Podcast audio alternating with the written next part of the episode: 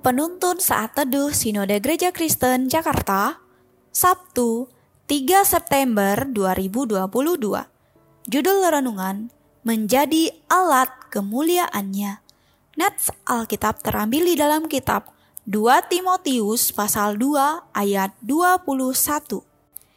Jika seorang menyucikan dirinya dari hal-hal yang jahat, ia akan menjadi perabot rumah untuk maksud yang mulia.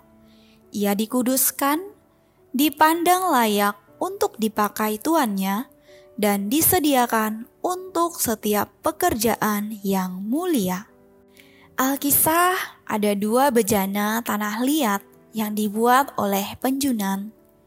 Keduanya memiliki bentuk dan fungsi yang sama, yaitu gentong untuk menampung air Gentong yang pertama hasilnya tidak terlalu bersih walaupun sudah dicuci dan digosok.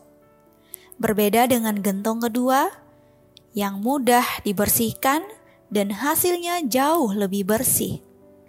Akhirnya oleh sang penjunan, gentong yang pertama digunakan sebagai tempat menyimpan kotoran untuk campuran pupuk dan gentong kedua dipakai untuk menyimpan hasil perasan anggur.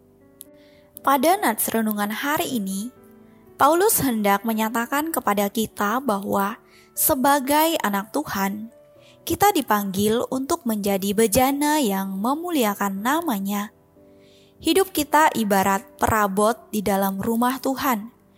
Jika perabot itu bersih, maka dapat digunakan untuk tujuan yang mulia. Namun, jika perabot itu kotor, maka hanya akan digunakan untuk maksud yang kurang mulia. Tujuan mulia yang dimaksud adalah menjadi berkat bagi orang lain.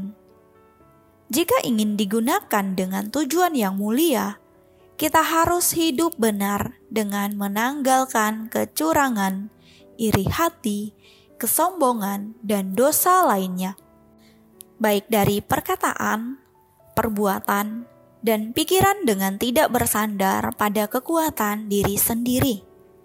Firman Tuhan menyingkapkan bagaimana seseorang bisa mempertahankan kelakuannya bersih, yaitu menjaganya sesuai dengan firman Tuhan. Mazmur pasal 119 ayat 9. Oleh sebab itu, sangatlah perlu bagi setiap kita untuk selalu mendengarkan suara Tuhan dengan cara membangun relasi yang intim bersamanya.